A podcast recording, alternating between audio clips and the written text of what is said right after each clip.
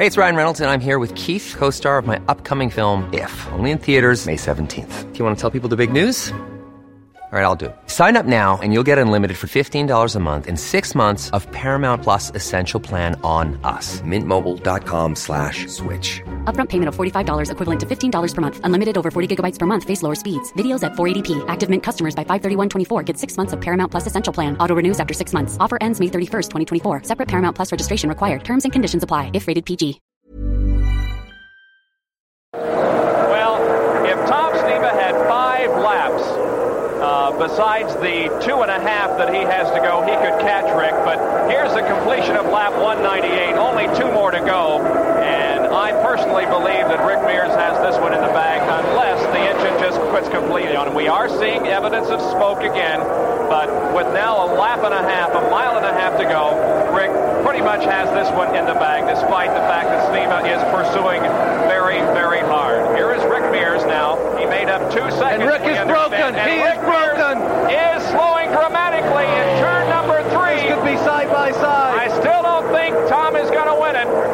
And Rick, yes, Rick is, sto- is slowing. Rick is slowing. He's coming into the pits. And Tom Sneva is going to win the race on the last lap.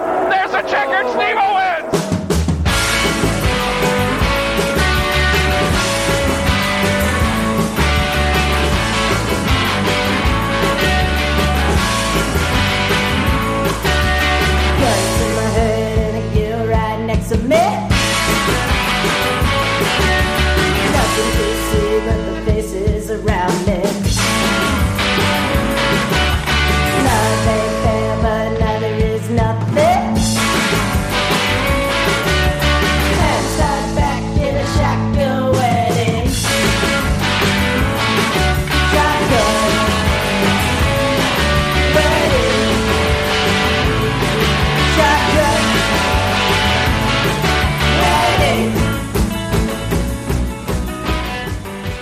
Och välkomna till Indiepodden 93. Jag heter Jakob Fredriksson, med mig har jag Anna Andersson och Ronny Larsson Miles. Hej hej. Hej! Eh, vi har ju fått se Indianapolis Road Course än en gång på Indycar-kalendern. Eh, det vi hörde först i, innan vignetten, det var ett av mina favoritreferat från Bob Jenkins, den eh, tragiskt bortgångne amerikanska kommentatorn. Lite av en amerikansk Mario Walker som Uh, kommenterar mycket Indycar, uh, särskilt Nascar kommenterade han för 80-90, ja, fram tills bara för några år sedan.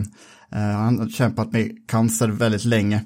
Just det här referatet var från Milwaukee 1984 när Rick Mears hade dominerat hela tävlingen men så började Tom Sneva ta in väldigt mycket mot slutet av loppet och så skjuter Mears motorn på sista varvet. Jag tycker det är så fantastiskt när Jenkins säger att Sneva makes liars out of all of us när han på förhand tagit ut se segern åt eh, Rick Mears. Men Bob Jenkins var en väldigt populär och uppskattad kommentator i alla motorsporthörn av, av USA, så det är tragiskt att eh, han gick bort dagen efter Nashville-loppet. Väldigt eh, starkt sammankopplad med Indy 500 också. De kallar ju honom för Voice of the 500 va? Ja, precis. Det finns många klipp. Han har jobbat på Indianapolis radionätverk, så han har inte hörts på tv lika mycket på, på Indycar-sidan, men han var ju eh, stor närvaro i Indianapolis under 40-50 år. Så att, eh, Jag tror jag till och med hade äran att höra honom eh, live faktiskt, eller se honom när jag var på Indy 500 då för, för ett par år sedan där. Då var jag med på det här drivers meeting, de, den är ju så här öppen då så man kan vara där dagen innan när de går igenom med alla förarna liksom och, och sådär och alla får sin, de får väl en fem, Indy 500 ring tror jag för att de är med eh, och att de har kvalat in och så och då var det nog han som var ciceronen där. Mm, jag hörde honom 2015 och eh, det var när han fick cancerbudet som han slutade göra tv och höll sig på Indianapolis istället. Men eh, ja, mycket sorgligt. Ska vi prata om något roligare då? För det har ju, eh, vi är ju mitt inne i en Indycar frenzy här nu. Det är ju tre helger i rad vi har race. Knappt man har återhämtat sig från Nashville. Och så var det race igen. Nej, det, det racet hade jag ju kunnat se en gång till. Ja, li lite grann så ja. Vi hade ju hoppats på en upprepning nu på Indianapolis, men så bidde det ju inte. Jag tänkte, Anna, har du verkligen hunnit smälta någon Indycar nu när du har jobbat så mycket med OS de senaste veckorna? Jo, men det har jag väl gjort ändå. Alltså OS eh, försvann ju där i, i slutfasen faktiskt innan eh, vi kom till Indianapolis. Det var ju rätt bra timing ändå. Det var ju full fräs på OS och Formel 1 och sen så tog ju det slut sista OS-dagen. Eh, när det egentligen inte var så mycket mer svenskt än en urusel dammatch i handboll. Eh, så var det dags för eh, Nashville och det var ju betydligt roligare. Och vad tyckte ni om helgens race här nu? För det var ju inte lika många gulflaggor kan man ju konstatera. Jag har kommit fram till att jag gillar inte den här banan. För jag var ju lite kritisk mot loppet i våras när VK vann. Men sen omvärderade liksom veckorna senare och tänkte, men det var ju ett ärligt race mellan VK och Grosjean. Och det var ju ungefär samma sorts race vi såg nu. Att polesitten tappade li lite med däckstrategi och eh, ja, den som startade tvåa tog över ledningen och eh, vann loppet. Men jag blev, det var ingen underhållning, det är inte en inspirerande bana direkt. Och det är väl där som jag, mid, jag tappar lite koncentrationen, tappar lite fokus när jag kollar på, på lopp från just den här banan. Men ärlig racing var det i alla fall. Jag tycker den känns lite tjatig liksom. Ja, det här var ju femte loppet som vi har gått igenom på den här banan sedan Indypodden började förra våren. Så det har varit väldigt mycket här. Ja men det känns lite tjatigt och lite mellanmjölk och som man har gjort det förr. Alltså så. Ja, Där var ju, även om, om Nashville eh, hade sina både för och nackdelar, så kände man ju ändå att under det racet så fick man det här, oh, nej, oj, vad bra. Och när man känner lite så, så blir man ju glad i magen och ända ner i lilltån.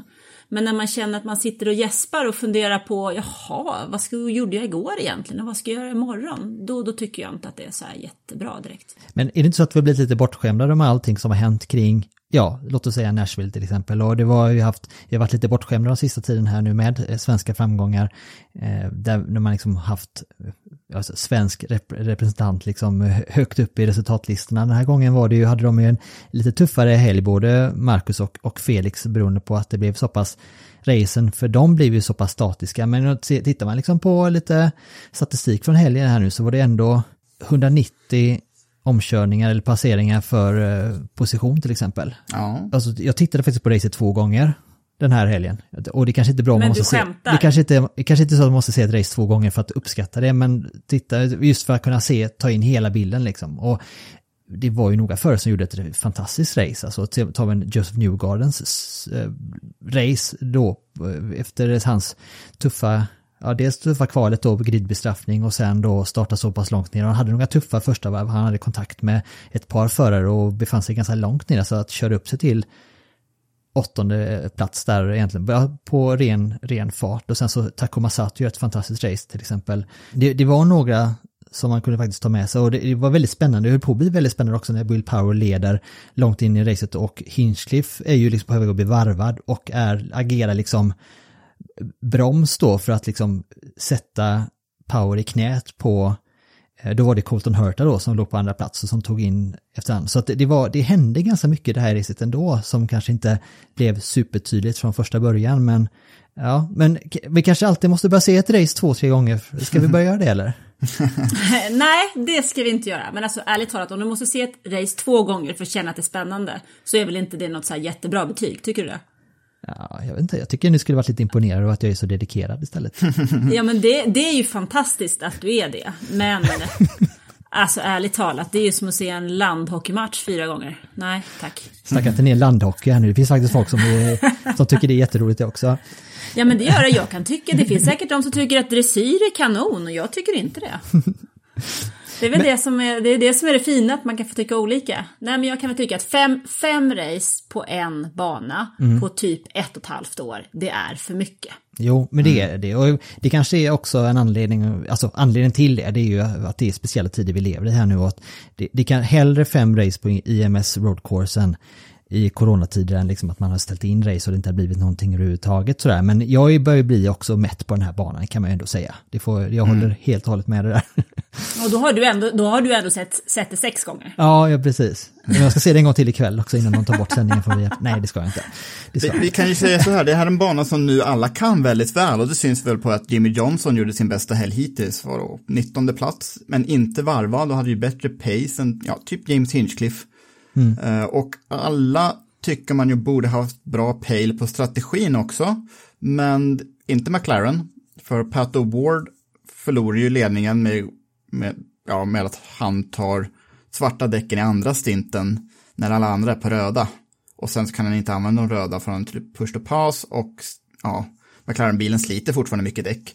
Medan Felix, herregud, den här kvalfadäsen, jag förstår mig inte på det domslutet, men han, liksom, han kör ju om en massa bilar, men de försöker på sin overcut både första och andra depåstoppet, vilket gör att de förlorar tre bilar i varje depåstopp. Så han harvar ju runt på 19 innan gulflaggorna kommer och sen räddar i alla fall en 13 plats i mål. Så det var ju ett strategiskt lopp, minst sagt. Mm. Ja, hur ska vi angripa den här, det här racet här nu? Ska vi börja med, du var inne på kvalet där Jakob, men för det, nu var det ju ingen Fast Six den här gången för att de startade ju kvalet ganska sent. Så att den här helgen var det två kvalgrupper, de sex snabbaste från varje kvalgrupp går till Fast 12 och därifrån så bestämdes startordningen utifrån det då. Ehm, men vi hade ju båda svenskarna i eh, startgrupp eh, nummer två den här gången. Mm. Där, där, där, blev det ju först, det blev lite dramatiskt där, för i första kvalgruppen förflöt ju som bra då, men det blev lite dramatiskt mot slutet då i kvalgrupp 2. Ja, och det var ju från ganska oväntat håll. Det mm. var ju Scott Dixon som snurrade, rullar baklänges över timinglinjen och han backar ju, håller igång motorn, ser till, försöker vara i vägen så lite som möjligt, så till slut så är han väl 78 meter bakom timinglinjen. Samtidigt så kommer ju Felix, förbättrar sig ganska rejält. Eh, petar ut Marcus från topp 6 då. Eh, är bit före Pato Ward tidsmässigt också. Jag har inte tiden framför mig för den här tiden ändå ströks från officiella resultaten. Så det går knappt att hitta om man inte kollar på live livesändningen igen. Och jag tänker inte göra en Ronny här.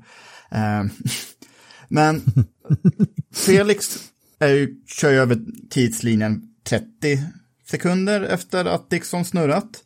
Så han är ju förvarnad om att Dixon står där borta, men det är ju efter punkten där Rosenqvist ändå ska, har släppt på gasen. Men ändå, Felix tid som skulle räckt räckt gott och väl för att gå vidare i kvalet stryks eftersom Dixon, ja, står där. Säkert, men det är ändå en gul flagg. Så det är ju paragrafrytteri och per bo efter boken gör ju Felix fel som fortsätter pusha. Men i verkligheten så gjorde inte det någon skillnad, kan jag tycka. Men eh, paragrafrytteri var det som strök Felix ur, eh, ja, en topp fem kvalplats den här gången. Pato tog ju pole position. Du menar då att man ska eh, skita i den regel som, strunta i den regel som finns? Ja, man kan döma efter individuella situationen. Hade det varit, hade du tyckt samma sak om det hade varit tvärtom? Den är intressant. Ja, jag tycker att racing borde utföras med så mycket integritet som möjligt, så jag säger ja. Ronny? Nej, jag vet inte. Nej, men man får försöka hålla det på något sätt. Men det rutar ju i alla fall in, kan man säga, Felix säsong i ett nötskal på något sätt. Att det är, det är ingenting som, ingenting kommer till honom lätt den här gången. Och Nej. det här understryker ju bara det. Och det var ju, visade sig direkt avgörande för hela hans helg här nu att han hade otur på det sättet då, får man ändå, får man ändå säga. Eh, det som var lite ironiskt den här gången då, det var ju att Felix sorti då, eller hans strukna tid i eh, kvalgrupperna gör ju att det var ju Marcus som hängde med då till Fast 12 och det, det rutar in hans säsong lite den vändningen till att han har ju mer eller mindre allting går ju hans väg just nu när det gäller de här små marginalerna då. Och jag skulle vilja understryka det i kvalgrupp 2 där, att där var det Will, eh, där var det Christian Lundgard, dansken, som eh, gjorde debuten den här helgen. Han tog sig vidare på näst snabbaste tid i ur kvalgrupp 2. Det var ju en väldig överraskning. Ja, eh, Lundgard som vi missade ens nämna förra veckan, för jag tänkte, ja, eh, budet de skulle köra på Indianapolis kom ju i måndags, typ samtidigt som vi spelade in förra avsnittet, så därför missade vi det. Eh, och jag tänkte, äh, det är väl samma sorts förare som Stefano Colette eller René Binder eller dussintalet andra euro europeer som kommer till, kommer till Indycar som har gjort okej okay resultat i Formel 2, GP2, Formel 3000 och så vidare. Men Lundgard, han gjorde ju allting rätt den här helgen. inte ett misstag och snabb på kvalet. Eh, inte lika bra racecraft, men det här är det längsta loppet han någonsin kört. Så eloge. Anna, vad hade du för bild av Christian Lundgard innan eh, helgens race här? Egentligen ingen alls, eh, utan snarare det. Jag visste ju eh, vem han är, att han är dansk, att han kör för, testar för alpin och att han kör i Formel 2. Men ja, som bisats skulle jag säga att han var för mig. Men däremot så tyckte jag att det var kul. Alltså det är alltid kul med lite friska vindar och det är alltid kul när det händer någonting. Och med tanke på att vi konstaterade att racet var ganska mycket mellanmjölk då så var det väl betydligt roligare kval. Alltså jag gillar ju när det går upp och lite ner och lite händer lite grejer. Lundgard tvåa på första passet och sen fyra totalt i kvalet. Eh, Så ja, det är ögonöppnande. Och det som är intressant är ju att han är alpin junior. Och han hade fortfarande alpin-loggor på hjälmen. Så det hade de inte strykt, bort. Alpin kommenterade hans framfart friskt på Twitter. Så frågan är om alpin skjutsat in lite pengar för den här satsningen och kanske funderar själva lite på Indycar. Nu var bilen fri från alpinloggor, men ändå, alpin vet att Indycar existerar, det har vi bekräftelse på nu. Menar du att alpin där Fernando Alonso kör inte hade koll på Indycar? Äh, I och för sig när du sätter det på det sättet, men eh, alpin eller Renault har aldrig haft, det här är den största närvaron de någonsin haft i Indycar sedan 1910-talet. Så mm, kanske, det, kanske det kommer en till europeisk tillverkare som vill göra motorer åt Indycar. Det vore ju jättekul också.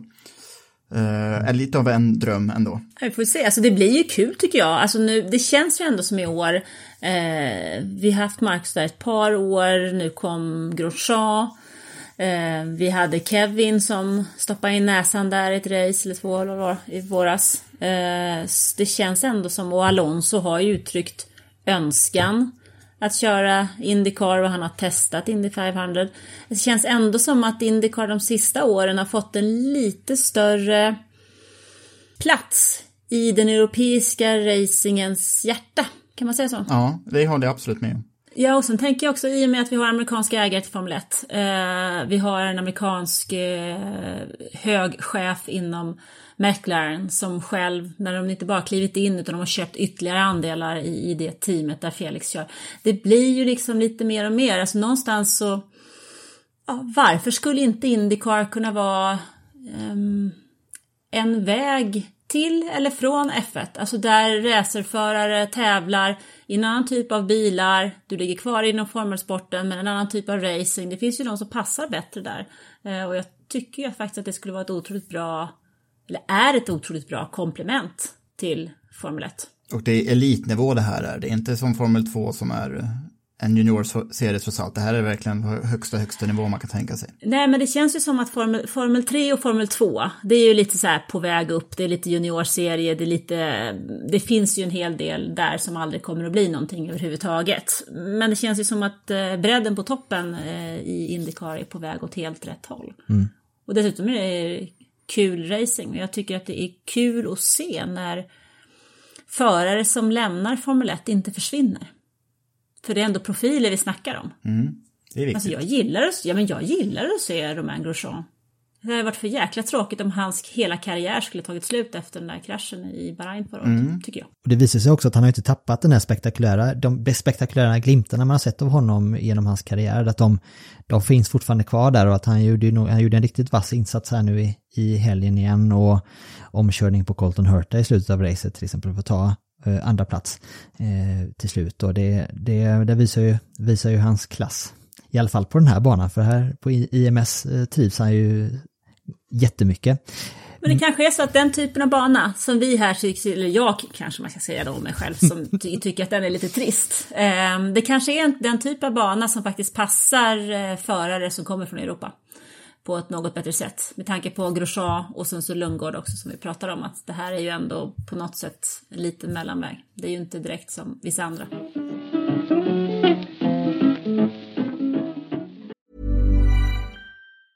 When you're ready to pop the question, the last thing you want to do is second guess the ring. At Bluenile.com, you can design a one of a kind ring with the ease and convenience of shopping online. Choose your diamond and setting. When you find the one, you'll get it delivered right to your door. Go to Bluenile.com and use promo code LISTEN to get $50 off your purchase of $500 or more. That's code LISTEN at Bluenile.com for $50 off your purchase. Bluenile.com code LISTEN. Hey, I'm Ryan Reynolds. At Mint Mobile, we like to do the opposite of what Big Wireless does. They charge you a lot, we charge you a little. So naturally, when they announced they'd be raising their prices due to inflation, we decided to deflate our prices due to not hating you. That's right. We're cutting the price of Mint Unlimited from $30 a month to just $15 a month. Give it a try at mintmobile.com slash switch. $45 upfront for three months plus taxes and fees. Promo rate for new customers for limited time. Unlimited more than 40 gigabytes per month. Slows. Full terms at mintmobile.com. Innan vi går till själva racet här då och gräver ner oss i det för mycket så har vi ju, kan vi säga, vilka som var de tre första startleden då från, i Fast 12 sen. Det var ju Pat Award tog ju nu då pole position eh, före Will Power. Will Power som hade ju inför helgen hade fyra segrar här på IMS. Där har vi en annan förare som trivs bara på den här banan. Eh, tillsammans med Penske då, för de är ju har vi vunnit överlägset mest på, på den här banan. Eh, trea Roman Grosjean, fyra Christian Lundgård då, den stora överraskningen. Femma Colton Hurta och så sex Alex Palou då som abonnerar på de här Fast Six eh, placeringarna.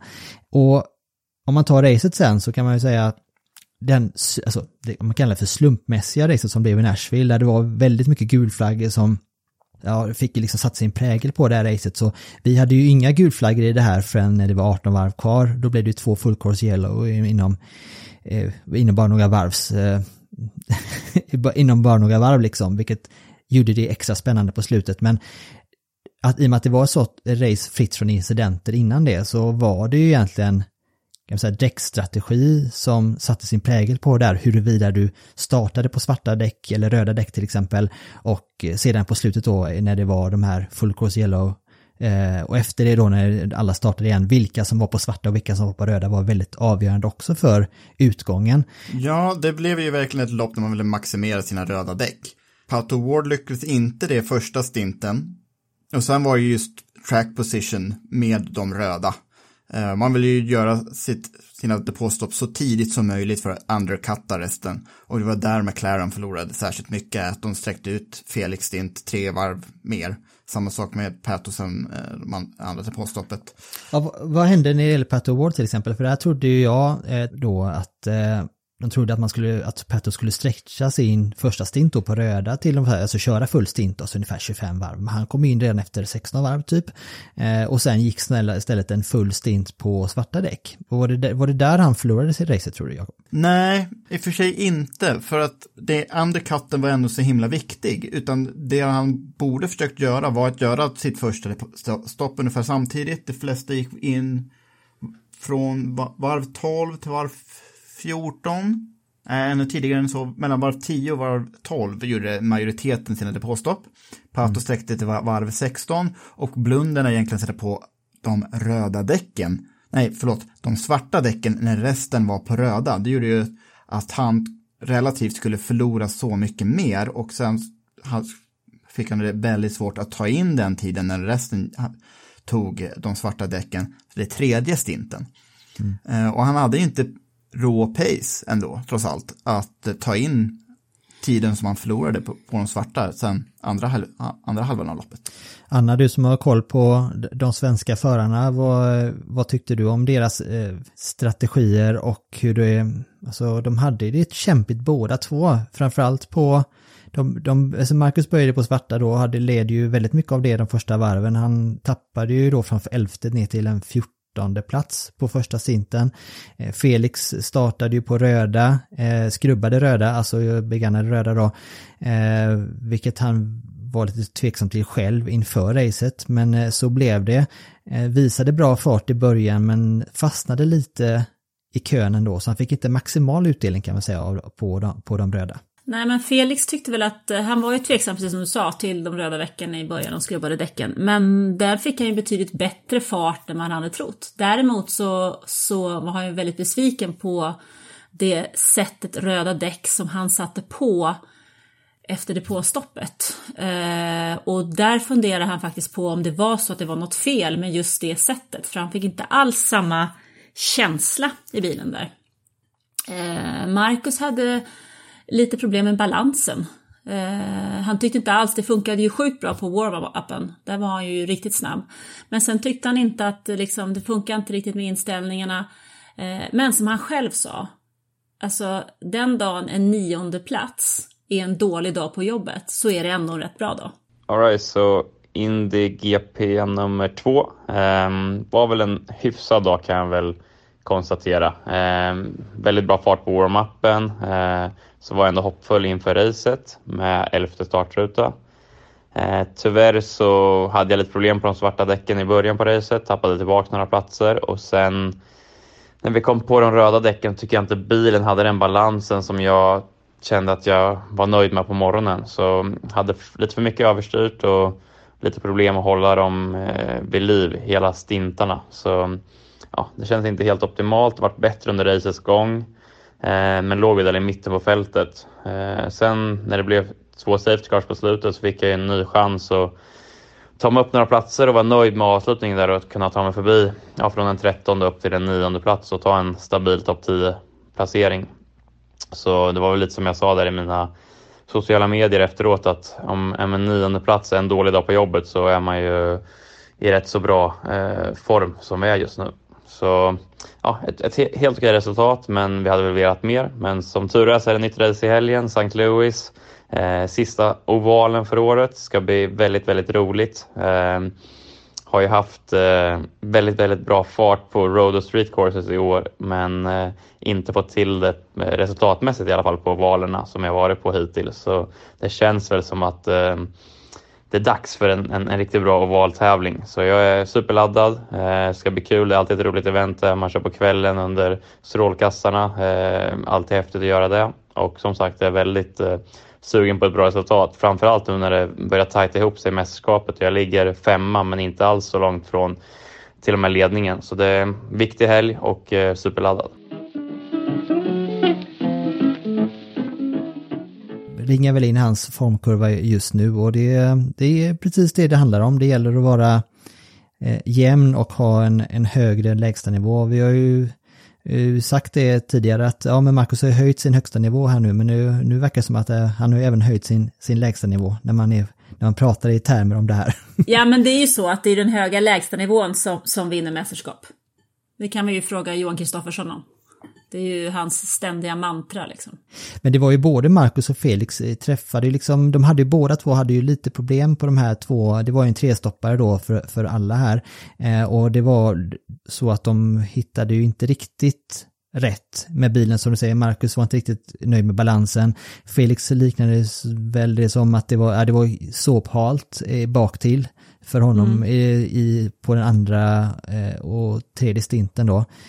Eh, och, men det var ju först egentligen på sista stinten då i samband med de här gulflaggorna då när de samlade upp fältet igen och de fick chans att eh, attackera där. Så på slutet då, det var ju då de tog flest placeringar egentligen då, där Marcus till slut eh, gick i mål på nionde plats och Felix på en, en trettonde då.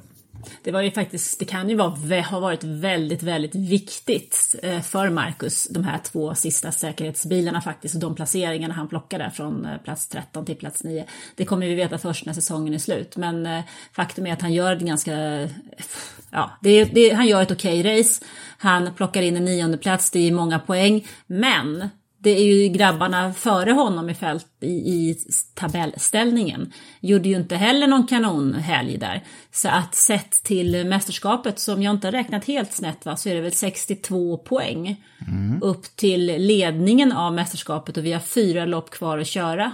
En riktig kanonhelg ger 54 poäng. Mm. Är det väl. Så att eh, allt är ju faktiskt öppet. Vi har en svensk som kan vara med och slåss om en totalseger i Indycar. Det blir ju väldigt spännande och anledningen varför det har blivit så var ju att Alex Palou bröt.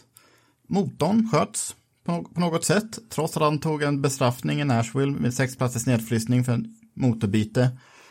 Det är ganska oväntat för det är väldigt sällan man ser en motor gå upp i rök sådär i Indycar idag. Och det här ställdes ju, det, loppet verkligen bytte karaktär där och då. För nu, efter det blev det väldigt stressigt för alla och en del fick en andra andning. Marcus, en av dem, jag tänker särskilt på Pato Award, som såg ut att tappa kontakten med toppen i mästerskapet. Men nu plötsligt så är Award två i mästerskapet igen efter Dixon hade en mardrömshelg. Newgarden knappt ja, topp 10 men inte, inte där så. Men det visar ju bara hur mycket som kan hända i Indycar på väldigt, väldigt kort tid. Det är ju faktiskt en stora skillnad, en av de stora skillnaderna gentemot Formel 1. Där är, alltså där är ju maxpoängen 25. Det är så himla lätt att tänka det för att man vet ju att i alla FIA-mästerskap då har du en seger, jag är 25. Mm. Men här är det ju en helt annan sak och då är, är, kan du maxa på 54 poäng så är plötsligt inte 62 speciellt mycket. En intressant sak med Alex Palou är ju att när jag tittar på här loppens snabbaste varv, Palou bröt varv 67 och han höll på att pusha riktigt ordentligt då för att försöka ta ifatt pallplatsen. De flesta gjorde sina snabbaste varv mellan, ja, runt varv 15, ganska direkt efter första depåstoppet. Palou gjorde sitt snabbaste varv, varv 63. Så det var precis innan han sköt motorn, så han var, var verkligen taggad här och eh, eh, vad säger det då? det Att säger att eh, han tog i. Han, han, push, han pushar materialet, det kan man minst sagt säga. Jag skulle vilja lyfta fram ett antal förare den här helgen som faktiskt utmärkte sig och som imponerar stort på mig. Det, en av dem är ju Alex Palou som hade, just innan han bröt som du var inne på Jakob, var, var ju, han var ju uppe på en fjärde plats. han, han eh, jagade ju fatt Eh, det var ju han, Harvey, eh, han, Harvey, Pat O'Ward och Alexander Rossi som hade en uppgörelse kan man säga under andra halvan av racet då och eh, Palou imponerade väldigt stort där, eh, både fartmässigt men också hur han liksom disponerade racet. Så det var ju väldigt, jag tycker det var väldigt synd om honom där, just att han förtjänade bättre än att avsluta dagen med en, eh, att bryta racet då. Eh, sen så återigen Graham Rail eh, tar målflagg på, på sjunde plats. Ytterligare ett liksom, kval, misslyckat kval, jag vet inte om det var att han startade på 16, nu kan jag ha lite fel där, men runt, alltså längre ner i fältet i alla fall, jobbar sig upp, som avancerar upp till en sjunde plats. Vi har Joseph Newgarden som var från 20 eh, position då, sätter sig liksom ur, han är ju en var ju en av dem som försökte liksom bryta sig ur rent strategimässigt, han stretchade sin, sina sinter lite mer, eh, gick inte i det på exakt samtidigt som alla andra då, eh, tar sig upp till en åttonde plats och tar sig förbi Marcus då. Nu är han ju sju poäng före Marcus här nu då efter helgens race, då, så det, det är ju mer eller mindre ingenting. Det var fyra poäng innan den här helgen då. Eh, och Takuma Sato måste ändå, skulle jag väl också passa på att lyfta fram, också eh, de mediokra kvalinsatser nu för tiden, men han, det var ju han och Newgarden som var ihop där på efter sista gulflaggen när det var typ två varv kvar, vilket gjorde att både Newgarden och Marcus kunde smita förbi där, men innan dess så gjorde Satt också ett, ett kanonrace då. Um, jag vet inte, vad, tänkt, vad tänkt, tycker ni om, om de här förarna här nu som konse, de konsekvent ändå hänger de med liksom oavsett var de startar ett race? Och, Det får man väl hoppas med tanke på hur länge de flesta av dem har kört i Indycar det är en erfarenhetsgrej menar du? Ja. Ja, det tror jag faktiskt. ja. Nej, men jag tror alltså någonstans så känns det som, tycker jag, att Racecraft eh, kommer, alltså det handlar om erfarenhet. Alltså Marcus har ju för sig inte kört så himla länge Indycar, men han har fem säsonger i F1 innan dess. Och jag menar de här killarna du pratar om, alltså de har ju gjort det där några gånger. Och de vet ju också vad de kan göra under en eh, racehelg när kvalet inte funkar. Och de vet också dessutom hur viktigt det är. Och när vi återigen pratar om den här höga lägsta nivån. Och de bör smygas, ja, de har också börjat smygas på ett annat, ett team som eh, vi har pratat ner ganska mycket i år och det är med all rätt då, Andretti Autosport. Eh, nu har de två race i rad här där eh, de varit tre och fyra. Nu den här gången var det Colton Hurta på tredje plats och Alexander Rossi på en fjärde plats. Eh, och så Jack Harvey som är Ja, Meyer Shank är ju lite, där de har ju ett partnerskap med Andretti, han, äntligen får han till det och blir sexa den här helgen också efter ett, ett, ett starkt race. Eh, så att det, ja, de här sista racen här nu får vi nog se upp med Andretti, eh, Autosport, alla förarna egentligen. Ja, kanske inte Hinchcliffe, man får väl säga att tre, tredjeplatsen i Nashville var, var lite tursam. Och jag tror inte Hinchcliffe är så... Det, det, vi, vi har snackat mycket, vill Andretti ha kvar Hinchcliffe, men jag tror också så vill Hinchcliffe vara kvar i det här ja, fjärde bästa bilen i fjärde bästa stallet. Ja, det är inte en, han har, har nog förväntat sig mycket mer av den här säsongen. Och nu fick han agera bromskloss istället för, ja, vara Den offensiv. kan inte vara kul alltså. Nej, och Newgarden var ju diplomatisk efter kvalet när han sa han var bakom eh, Hinch och sa det är inte hans fel att han är så långsam. Eh, det verkar kanske vara en öppen hemlighet i Indycar-depån att eh, den här bilen Hinchcliffe har, det är ja, Det är in, in, inte det fräschaste materialet kan, man ju säga. Det är väl typ Marco Andrettis bil från förra året eller nå- någonting sånt där. Det så- slutar inte så Mario Andrettis i alla fall. Ja, det kanske är, kanske har liksom s- från 1993 eller något sånt där. Så Hinch har varit tråkigt dålig i år. Han borde vara hö högre upp. Men vad vill han själv då? Det är ju nästa fråga. Ja, vad, vilka, alternativ, nog- alternativ, vilka alternativ finns? Du måste ju vara realistisk också. Um, Magi är svårt att hitta. Uh, det, det, Disney World. Uh, ja, typ. Men uh, magi uppstår ju oftast när man inte letar den också. Och det var ju så det skedde för Hinch i Schmidt-Peterson ett tag. Eh, och i och för sig Andretti innan dess. Och nu, nu kan man ju nästan bara backa tillbaka till typ ett coin eller så. Och nu lyckades han ju inte heller med att vara bromskloss åt Will Power. Särskilt för, för Hörta kom inte ifatt Power. Och sen blev ju Hörta själv omkörd av Grosjean. Och Power var ju faktiskt ändå fantastiskt överlägsen den här helgen. Uh, varför är inte Will Power så här varje helg kan man ju tycka. Han har inte alltid power. Precis. Ja, men när, när, han får, när han får till det och syr ihop det så är han ju eh, fantastiskt bra. Han är ju som en berg och dalbana den killen. Väldigt Men, mycket. men jag plockar ändå upp det där, jag läste nu här, jag tror det var idag faktiskt, att nu, i och med att han vann nu här nu i helgen, så in, har han, han har alltså vunnit ett race, minst ett race 15 år i rad här, säsonger i rad. Då är man ju ändå, Vass. Ja, det, det är ju lite dumt, det är klart att han, att han är bra, han är, han är väldigt Ja, bra. han, är, Men, han är jättebra, men han har ju inte lyckats med det här som vi pratade om, att ha den höga lägstanivån. Det är, det, som, det är det som skiljer agnarna från vetet i det här fallet. Jag tror bara det är eh, Scott Dixon som är vassare med vinna så många säsonger i rad. ja, han har vunnit 17 säsonger i rad, sen så Ja, har AJ. Foyt vunnit väl under 18 säsonger, men det, är inte, det har inte varit i rad då. Så att eh, Will Power är ju och nosar på, är ju, är ju Scott Dixon hack i häl då. Men på tal om Scott Dixon, nu snurrade han på kvalet. Orsakade gulflax, fick sina, sina bästa varv strukna för starten från 26 rutan. Försökte sätta sig eh, hyfsat ur fas med alla andra, tog, eh, gick väl i depå på tionde varvet då. Han, han hade ju svarta däck då på sista stinten och det var väl han och typ Simon Pagenaud då som blev eh, i samband med omstarterna då, då var de ju bara sitting ducks så att de bara rasade ju genom fältet, både han och Pagenaud. Pagenaud som hade en jättestark inledning av racet då. Eh, men vad, vad tror ni om Scott Dixon, eller vad tycker ni om Scott Dixon och hans formkurva just nu? Nu blev han ju tvåa i och för sig i Nashville, men den här lysande försteföraren i Ganassi som alltid är att räkna med, han, är han lite, har, har, har den eh, glorian hamnat lite på sned nu? Jag tror ändå det spelar in ganska mycket till det här stallet att de nu har en, för, en till förare som hotar om, om mästerskapet. Så att allt fokus är Säkerligen. inte på Scott Dixon och eh, det kanske har satt honom ur fas lite grann. Säkerligen. Och sen så har du ju Marcus också. Han kan ju också vinna, har vi ju bevisligen sett. Så att det är ju kanske inte så givet internt. Eh, Jag pratade faktiskt med Marcus om det där för några veckor sedan eh, och frågade liksom hur, hur får ni köra nu då? Och då så sa jag att uh, Chip säger att vi får köra, men vi får inte krascha, typ. Eh, och förväntar, han förväntade sig absolut inte någon form av eh, teamorder eller liknande. Och det där kan ju bli väldigt, väldigt känsligt med tanke på nu att eh, det ser ut som det gör i mästerskapstabellen och har tre riktigt bra förare och tre som kan vinna.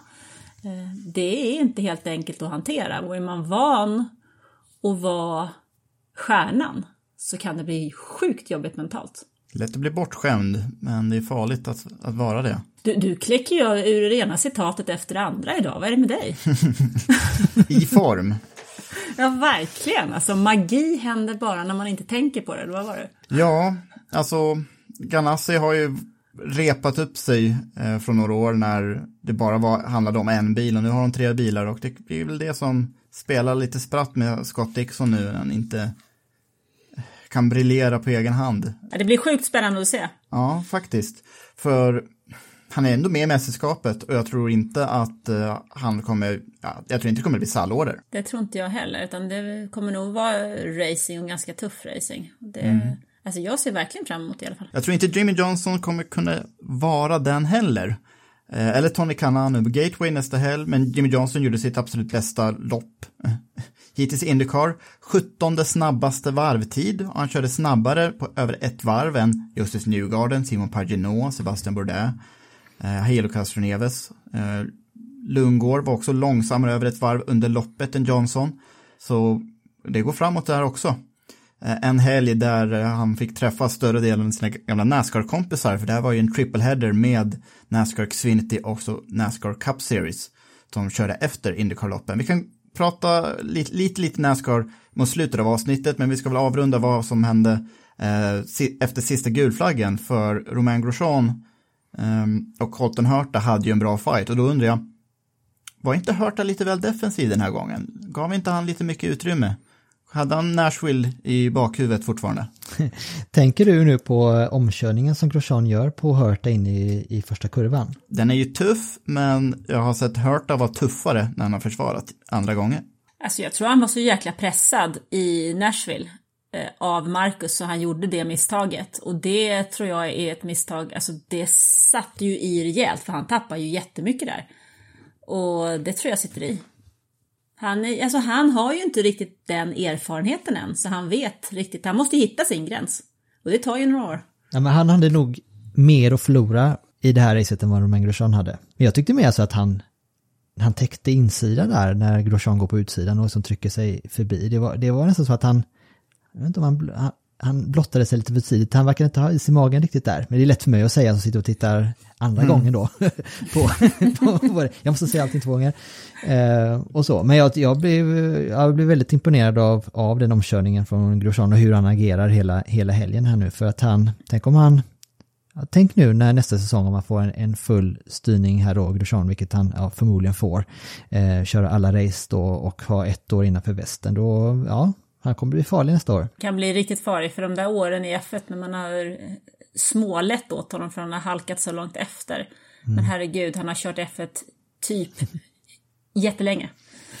Vad är det, tio år någonstans va? Tio säsonger blev det, 2009 till 2019 minus något år i GP2 däremellan, när han vann mästerskapet där. Ja, så att eh, det är ju ingen eh, oerfaren kille som bara har suttit och kört längst bak i F1 utan har ju faktiskt stått på pallen. Så att eh, det är ju en bra förare. Och han lär ju, även om han har kört för Haas, så har han ju faktiskt inte glömt bort att han kör bil. Innan vi lägger den här, det här racet i handlingarna då, så finns det någonting, eh, något särskilt ni vill ta med er, något positivt, eller något negativt som ni vill ta med er från just det här racet inför, in i, till Gateway, här, några insikter? Att det är väldigt skönt att vi inte ska tillbaka till IMS i år, tycker jag. Ja, faktiskt. Får jag nämna en sak om Rinus Wikey bara? Ja. Han vann ju här i våras och nu kommer han i mål på 24 plats och var inte någonstans under hela helgen. Hans säsong har ju spårat ur helt sen efter ja, andra platsen på Belle Isle och sen dess har han bästa resultat var en 16 plats. Han har missat ett lopp och eh, han var ju med i mästerskapet innan dess och nu är han totalt avhängd utanför topp 10 till och med. Eh, Det är en tråk, tråkig formkurva eftersom Ed Carpenter Racing är ju ett lokalt stall. De har ju si- sina garage stenkast från Indianapolis Motor Speedway och um, Indycar skulle må bra av ett så pass sådana local heroes. Eh, så det är synd att de har tappat så pass mycket. Joe, eller eh, Connor Daly hade ett okej lopp, elfte plats, men det är ju fortfarande en elfte plats. Eh, Ja, så, ja men precis, jag skulle precis nämna Connor Daly som sån här local hero, då, för han har ju haft en väldigt tuff säsong och nu, nu är han ändå kvalar åtta här nu, så tänker man, tänk om det kan vända den här helgen för honom här nu, och så går han ner tar en målflagg då på elfte plats, och egentligen, ja, tappar ju placeringar då här, eh, ner till den elfte, när det kunde liksom, han kunde blickat uppåt. Och blir bland annat mycket grundlurad av Marcus eh, när han passerar, Marcus passerar honom där på eh, efter sista gulflaggen var det väl då. Det var, där var han uppe på läktaren och köpte korv, den gode mhm. Daily. Ehm, så att ja, nej, men det är lite, saknar, verkar han sakna fortfarande lite racecraft eller så är det en, en formfråga nu för, för den här säsongen, precis som att vi kan gå upp och ner för alla då. Men eh, ja, där, frågan är om vi kommer få se Conor Daly till exempel, för han går ju också bakåt eh, resultatmässigt. Är det inte så att när man börjar tänka tänk om, då är det redan kört? ja. Mycket möjligt.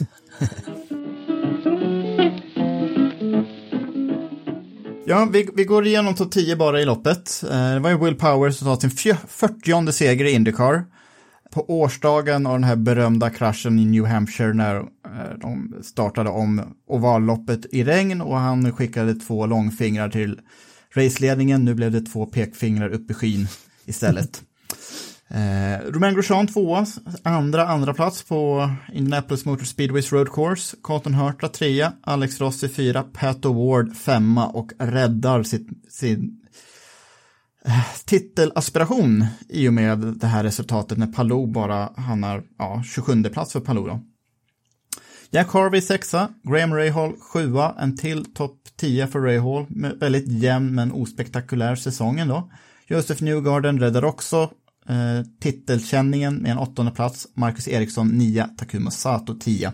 Felix Rosenqvist hittar vi på en trettonde plats bakom Christian Lundgården då som kom i mål som tolva. Jag tycker jag vi tar med oss eh, sista stinten, eller efter sista gulflaggen, både, eh, sista två gulflaggorna både för Marcus och Felix, för där med näbbar och klor så som de tar sig upp i fältet, det var, jag tyckte det var många, många positiva saker att ta med oss, där, ta med oss därifrån. Och jag, jag tycker Felix Glimt, han hade ju, de pratade om att de saknar toppfart, klagar han på upprepade gånger här nu under, under racet. Och, eh, det verkar så att de, de har inte riktigt fått, fått bukt på det där ännu, men eh, i sådana här tajta race-situationer då är han ju då känner vi igen honom Felix. Mm -mm. Det är gött.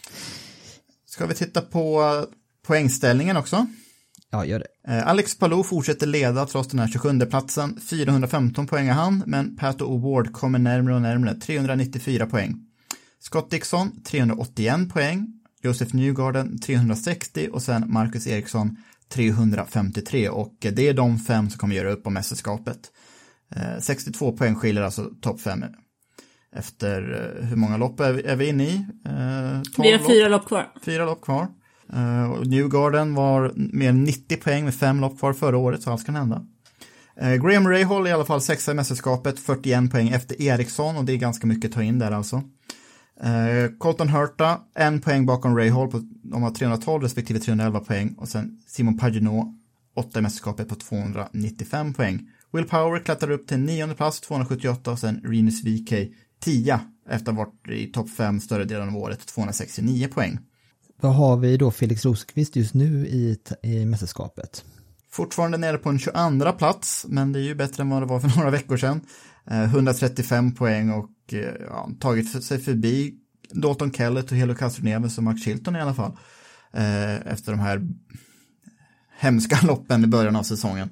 Och jag, jag, kan tänka mig att han kommer klättra upp åtminstone förbi Hinchcliffe på 19, kanske förbi Bordeaux och Daly också 17 18. Någonstans där tror jag vi kommer se Felix mot slutet av säsongen. Men Jakob och Anna, om vi blickar framåt här nu till helgens race nu på Gateway, för nu blir det oval igen. Ja, det, jag gillar Gateway. Eh, även om det var väldigt få omkörningar förra året så är det en unik ovalbana. Det finns inte så många som är just en mile och en kvart. Um, Bomarito Automotive Group 500 på Worldwide Technology, Technology Raceway, a.k.a. Gateway alltså, i St. Louis, Missouri.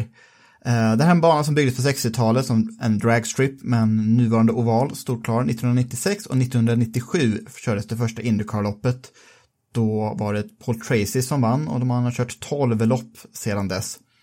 Eh, 1,25 mile lång, alltså ungefär 2 kilometer, bankad 11 grader i kurva 1 och 2, 9 grader 3 och 4. Och 1 och 2 är också mycket snävare än 3 och 4. 3 och 4 kan man nästan köra flat, medan 1 och 2 måste man bromsa in lite grann. Och det blir ett längre lopp än de två vi såg förra året. Förra året fick vi se två lopp på 200 varv var. Nu blir det 260 varv, lite drygt 500 kilometer. Eh, så det kommer att bli lite av ett enduro, för det här kommer att bli det längsta loppet som vi någonsin kört på Gateway. Annars har varit 200 eller 248 varv kutym här.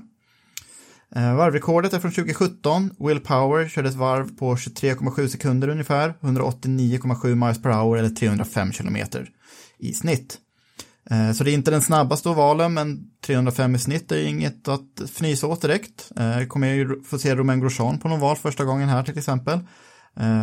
Det blir spännande. Väldigt spännande. Uh, vi har ju några tidigare vinnare bland de aktiva också. Helo Castroneves, Joseph Newgarden, Will Power, Takuma Sato och Scott Dixon. Och förra året var det Dixon och eh, Newgarden som eh, stod som segrare här. Ja, det var, det, var det ungefär här det vände då när Newgarden började ta, ta in på en mästerskapsledande Dixon? Ja, Dixon vann ju det första loppet och sen vann Newgarden det andra, så överlag över helgen tog Newgarden in lite poäng, eh, men minimalt och det var ju härefter som eh, verkligen började rulla på för Newgarden när hans säsong verkligen tog fart. Och eh, det är dags nu om det ska bli samma sak igen. Jag trodde innan sommaruppehållet att Newgardens form var så stark så att kommer bli väldigt svettigt för de andra, men nu har det varit två ganska halvmediokra lopp för Newgarden. Så att, jag är inte så säker längre, men i alla fall, det är banor som man kan som vi kommer att avsluta säsongen på. Men det är också ett, ett race som, det har väl aldrig avverkats utan några gulflagg. och det, är väl, det ligger väl i banans natur kanske i och med att det är en, en ja, en liten oval då. Eh, men vad är, vad är medianvärdet för antal gulflaggor? Det är fyra, fem stycken tror jag. Fy, fyra, fem stycken kan vi säga. Eh, senaste två loppen har bara varit två gulflaggor i och för sig. Okay. Men eh, om man ser det på historiskt sett så ja, 4-5. Eh, mesta någonsin var ju första loppet 97, eh, åtta gulflaggor. Eh, minst någonsin var 2000 när det var en gul flagg. Eh, men ändå, det, det är någonting vi får räkna med. Och vi hörde ju tidigare här att Marcus Eriksson ser fram emot eh, att köra på Gateway. Eh, men det har ju även eh, Felix Rosenqvist som eh, sa så här efter eh, helgens race och eh, när han blickar fram mot Gateway. Ja, nej, det känns kanon att komma tillbaka till Gateway. Det är ju historiskt sett min, min bästa oval. Uh, eh, kände hade bra flow där förra året och uh, rätt taggad på att känna hur bilen funkar där. Ehm, det har varit en väldigt stark bana för oss som team eh, historiskt sett och eh, short ovals överlag har ju varit bra så att ehm, nej, det blir, det blir kanon kul att komma tillbaka till oval. När jag pratade med Felix tidigare, liksom innan säsongen började, så sa han att just Gateway, det var någonting som klickade där förra året och han verkligen började gilla ovaler just den här helgen. Var ju två topp 10 inte jättespektakulära resultat, men en spektakulär bredsladd i ett av loppen förra året. Så Felix tror jag blir att räkna med för att de har ju snackat upp ovalbilen, både Oward och Felix, liksom under hela försäsongen, under hela Month of May att det är en bil som ger en självförtroende i trafiksituationer. Och Pato vann ju i Texas väldigt annorlunda oval, men ändå, de, de tror på sig själva grabbarna. Och när du säger bredsladd på Gateway, då tänker jag ju osökt på Linus Lundqvist bredsladd och kod brunögonblick här nu på ah. testet här nu. För nu är det faktiskt Indy Lights, eh, Indy Lights kör ju även nu eh, den här helgen på, på Gateway. De är tillbaka i fart igen och nu hade de ju ett, en rookie-orientering på, på Gateway mm. där eh, Linus körde här nu eh, i veckan och det gick ju jättebra förutom den där jättesladden som jag såg som han la upp på sociala medier så det var väl inga murskrap eller någonting, för det borde vi ha hört. Sådana här tester sänds ju inte på tv så som racen gör och det är inte, det, man, man, kan inte ha koll på minsta lilla rattrörelse som vi brukar ha. Men... Ja. Jag, gillar, jag gillade det klippet, jag gillade det klippet eh, Linus, det, var, det enda, enda kommentaren var en sån här bajs-emoji mitt i, i bilden och ja, så precis. var det hans bredsla då. Men han var ju, han var ju näst snabbast på första dagen och så var han faktiskt snabbast andra dagen och så att han, han kan ju köra oval också verkar det som. Ja, det hoppas jag. Det är nu det gäller. Som om någon hade tvivlat på det. Nej, men han har inte gjort det tidigare. Det är som kanske var lite vanskligt. Men jag tror att det här är en bra bana att göra sin ovaldebut på eftersom den är ganska platt. Och den är inte jättesnabb och det är inte så här att man eh, leker med döden här som man kanske gör i Texas eller Pocono eller Indianapolis för den delen. Så jag, jag, tror det här kan passa honom ganska väl och de kommer köra liknande vingsetup som de gör på road courses, inte de här små superspeedway-vingarna utan de är de större ving, vingarna. Kan göra det svårt att köra om, men det är i alla fall en bil man känner igen ganska väl. Och som vanligt då när Inlight kör så kommer de att köra dubbla eh, race även den här helgen och det betyder ju ganska mycket för i och med att det, det är inte nog med att det är liksom den enda ovalbanan på årets kalender, vilket är ju som vi har sagt förut helt otroligt när det är en supportserie eller en juniorserie till Indycar att det inte är fler ovaler. Men som sagt, detta är de enda, eh, det enda ovalracen, två ovalracen och det ger alltså en och en halv gånger poängen den här helgen då. Så att det är extra viktigt att prestera bra här för mästerskapet. Och för karriären ändå. Ja. Om man ska köra Indycar ska man köra oval. Och så här säger Linus själv inför eh, helgens dubbelrace. Jag är riktigt taggad faktiskt nu, in, nu inför helgen och första ovalracet för mig någonsin. Vi, vi hade ju test förra veckan och det var, det var ganska skönt faktiskt att få två, två heldagar där man kunde bygga upp till det lite, lite lugn och ro så att säga. Men eh, vi, vi lyckades ju ändå vara snabba från, från första början. Så, och det kändes stabilt. Jag, jag tyckte att det var kul, vilket var skönt också. Eh, men sen även när vi hade en bra, bra känsla i bilen. Så nu gäller det bara att försöka bygga vidare på det och kunna starta helgen på ett bra sätt. Sen, eh, sen vet man ju också att allting kan hända i det här mästerskapet, speciellt på ovaler. Men jag tror bara fokuserar vi på oss själva och jag på mitt jobb, då ska vi kunna vara med och slåss om både pallplatser och vinster. Det är det som är målet. Han är ju verkligen med i eh, mästerskapet fortfarande. Det är ju de här tre som vi har pratat om, Cal Kirkwood, David Malukas och så Linus Lundqvist som liksom är, har varit en klass för sig eh, nu under säsongen hittills då. Men det, vi har ju Cal Kirkwood på första plats just nu på 290 poäng och så David Malukas på 279 och så Linus Lundqvist på 265. Eh, Mm. Så Linus är ju 25 poäng efter Kirkwood som det är nu, men det är ju det är många race kvar. Ja, eh, man, vi ska ha i åtanke i och för sig att det inte är samma poängsystem som i Indycar, utan en seger här är ju 30 plus lite bonuspoäng. Så det, det är lite mer än vad det skulle vara i, Indycar, men det är absolut, han är absolut inte avhängig på något sätt. Oh nej, oh nej. Och eh, jag tror att det, är, det här är också den typen av bana att får man med sig två bra resultat här nu från Gateway så tror jag det, då kan man få med sig det här momentumet in i under resten av säsongen. Så jag tror det, Mm. det kan ge en själv, det, det, det har potential att ge en självförtroende-boost till den som går vinnande här i, i, i helgen då.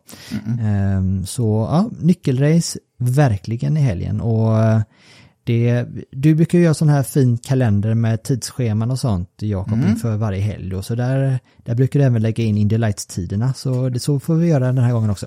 Jajamän, det kommer mot slutet av veckan som vanligt då. Eh, Vi ska prata om något lite annat också. Indycar fortsätter sändas på NBC i USA. Vad betyder det för de svenska sändningarna tro? Alltså inte så mycket egentligen rent eh, hur, sändningsmässigt antar jag, men Nej. det kanske har lite andra fördelar. Jag vill hävda att det här är ett väldigt bra avtal för Indycar. Eh, Fler lopp kommer sändas på NBCs ordinarie kanal. Eh, Nu tidigare, de senaste åren när NBC sänt, så har majoriteten av loppen gått på deras sportkanal. Sportkanalen läggs ner och eh, ja, deras sport hamnar på andra av NBCs kanalutbud. Men nästa år kommer 13 lopp, oavsett hur många det blir i kalendern, men 13 lopp kommer sändas på, på just NBC. Resten på någon av deras sidokanaler eller på deras streamingplattform. Så det här, bara det här att det är konsekvens i var Indycar sänds i USA, ger sporten större möjlighet att växa på hemmaplan. När man inte behöver, när, när folk som inte är lika insatta som vi är, utan eh, är, ja, soffentusiaster inte behöver bläddra i tv-tidningen, om det- nu sådana finns fortfarande, eh, var Indycar eh, sänds, utan bara zappa, oh, där är det på NBC, vad bra, kolla på det här då. Eh, och ja, det ger större möjlighet för Indycar att växa på hemmaplan och det kommer i sin tur resonera i resten av världen när fler amerikanska hemmasponsorer hittar tv-kanalen där det sänds. Och det här kommer göra sporten starkare i Sverige på, på, den leden, på, på den vägen. Så även om vi kanske stör oss på buggig grafik eller konstiga prioriteringar när det gäller kameravinklar och så vidare och så vidare, konstiga grejer som händer med sändningen när det är reklam i USA också, så, så är ändå det här, NBCs investeringar i Indycar är mest av godo ändå. Och det här ser vi redan i år i och med Indycars tittarsiffror i USA. Loppet i Nashville hade strålande tittarsiffror, det mest sedda loppet på kabel-tv sedan 1998. Nashville-loppet sändes på NBC SN. 1,2 miljoner tv-tittare är nästan tre gånger fler än kabel-tv-snittet från förra året.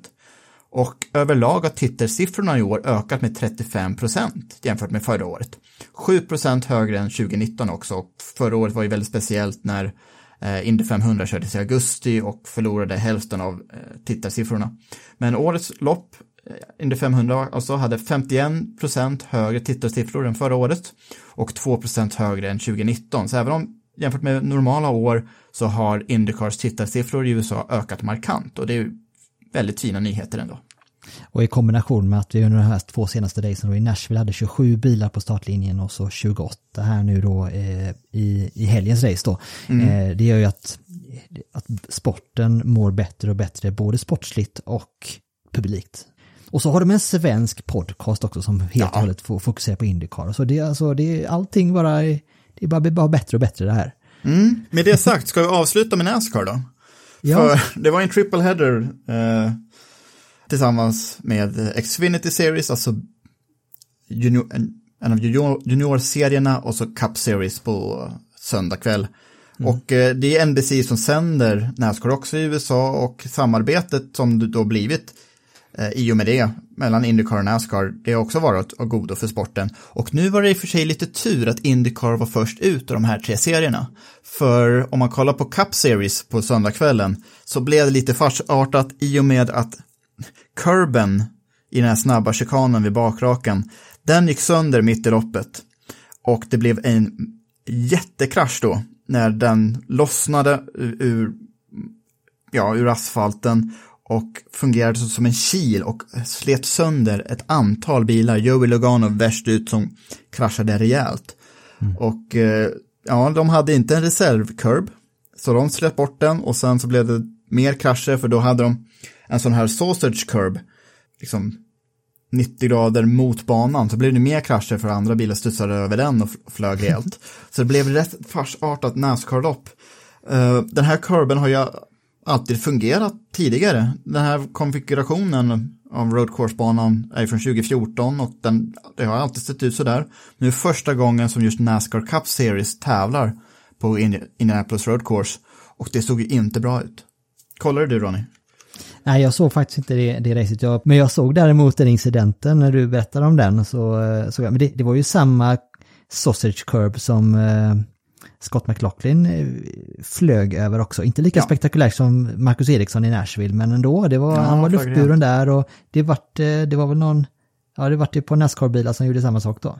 Ja, och det, det, det blev ju lite jobbigt när sista tio varven tog en och en halv timme att avverka. Mm. Men anledningen varför det här hände, det är ju på grund av hur Nascar-bilarna är, alltså, är byggda idag. De har faktiskt väldigt mycket downforce. Det är stora bilar som väger ja, mer än dubbelt så mycket än Indycar-bilarna. Eh, det är i princip ground effect i en modern Nascar-bil. De är helt slutna mot marken, väldigt låg markfrigång, en väldigt vass splitter längst fram. Så de liksom grävde upp den här kurben. Och sen så är det ju 40 bilar på banan som körde, ja de körde också 80, 82 varv skulle deras lopp vara. Eh, och det var väl bara runt varv 70 som det började hända saker med den där kurben.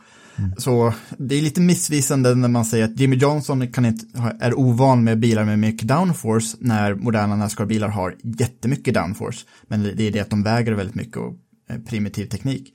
Och just det här markfrigången, splitten, mycket downforce, vikten var en perfekt storm som slet sönder den där kurben. Överlag ändå väl, det har varit mycket mest positiva tongångar kring att göra sån här triple header som, som ja. var nu till helgen och från Nascars håll så har de varit de jättepositiva och vi har ju pratat om det, hur vi hade tjänat, alltså båda serierna hade tjänat på detta eh, framöver att ha fler sådana här kombinationsarrangemang och det, den sannolikheten har inte blivit mindre nu efter helgens race. Nej, eh, Nascar-fansen verkar tycka att häftigt med Indycar, de bilarna är jättesnabba. Jag har hållit ett öga på Twitter, liksom Nascar-influencers som inte sett Indycar tidigare. En, sett, sett en del som eh, nu vill köpa biljetter till Indy 500 så fort som möjligt. Eh, Nascar-förare som provsitter Indycar-bilar. Felix fick ju provsitta Austin Dillons eh, Richard Childress Racing Chevy Camaro och vice versa. Eh, så det här utbytet mellan Indycar och Nascar som trappats upp bara de här senaste åren i och med att NBC sänder bägge serier har bara varit av godo tycker jag. För ta då Jimmy Johnson nu som säger att han skulle vilja om inte det blir en full säsong nästa år, eh, inklusive alla ovaler, så åtminstone Indy 500 är väl sannolikt, sannolikt att han kommer, han kommer köra. Så tänk den hur intresset bland Nascar-fans kommer eh, växa kring Indy 500 när han kommer göra ett försök mm. eh, där. Så att eh, ur just för att locka fler fans till Indycar så eh, jag hoppas att Jimmy Johnson kommer köra Indy 500 nästa år. Ja, det gör jag med och eh, han gillar ju att racea. Han, han, har ju kört i sportvagn också och vill ju prova på så mycket som möjligt nu när han kände av att han inte är så konkurrenskraftig i Nascar längre som han varit tidigare. Mm. Eh, så han kan absolut dra med sig än fler Nascar-fans. Får se om jag kommer orka hålla mig vaken genom ett Nascar-race någon gång då. För jag brukar, alltid, jag brukar sätta igång det och så brukar jag alltid somna ifrån det. Så att... Ja, de, de, Nascar har en del problem. Eh, men det kommer en ny generation bilar nästa år eh, som skulle kommit i år men blev uppskjutna på grund av pandemin och det kanske ger nytt blod till mitt intresse i alla fall. Men ja, jag hoppas på det, inte jätteoptimistisk men Nascar när det är bra kan vara riktigt, riktigt bra alltså. Och med det så kanske vi ska ta och avrunda veckans mm. avsnitt av Indiepodden. Tack till våra samarbetspartners Automotorsport och TickerRacershop.com och glöm inte att ni alltid, alltid, alltid har 20% rabatt i webbshoppen på stefanjohansson.art när ni anger rabattkoden Indiepodden. Tack Jakob och tack Anna för eh, den här veckan och vi eh, ses eh, nästa onsdag helt enkelt. Ha det bra, vi hörs nästa vecka. Hej då!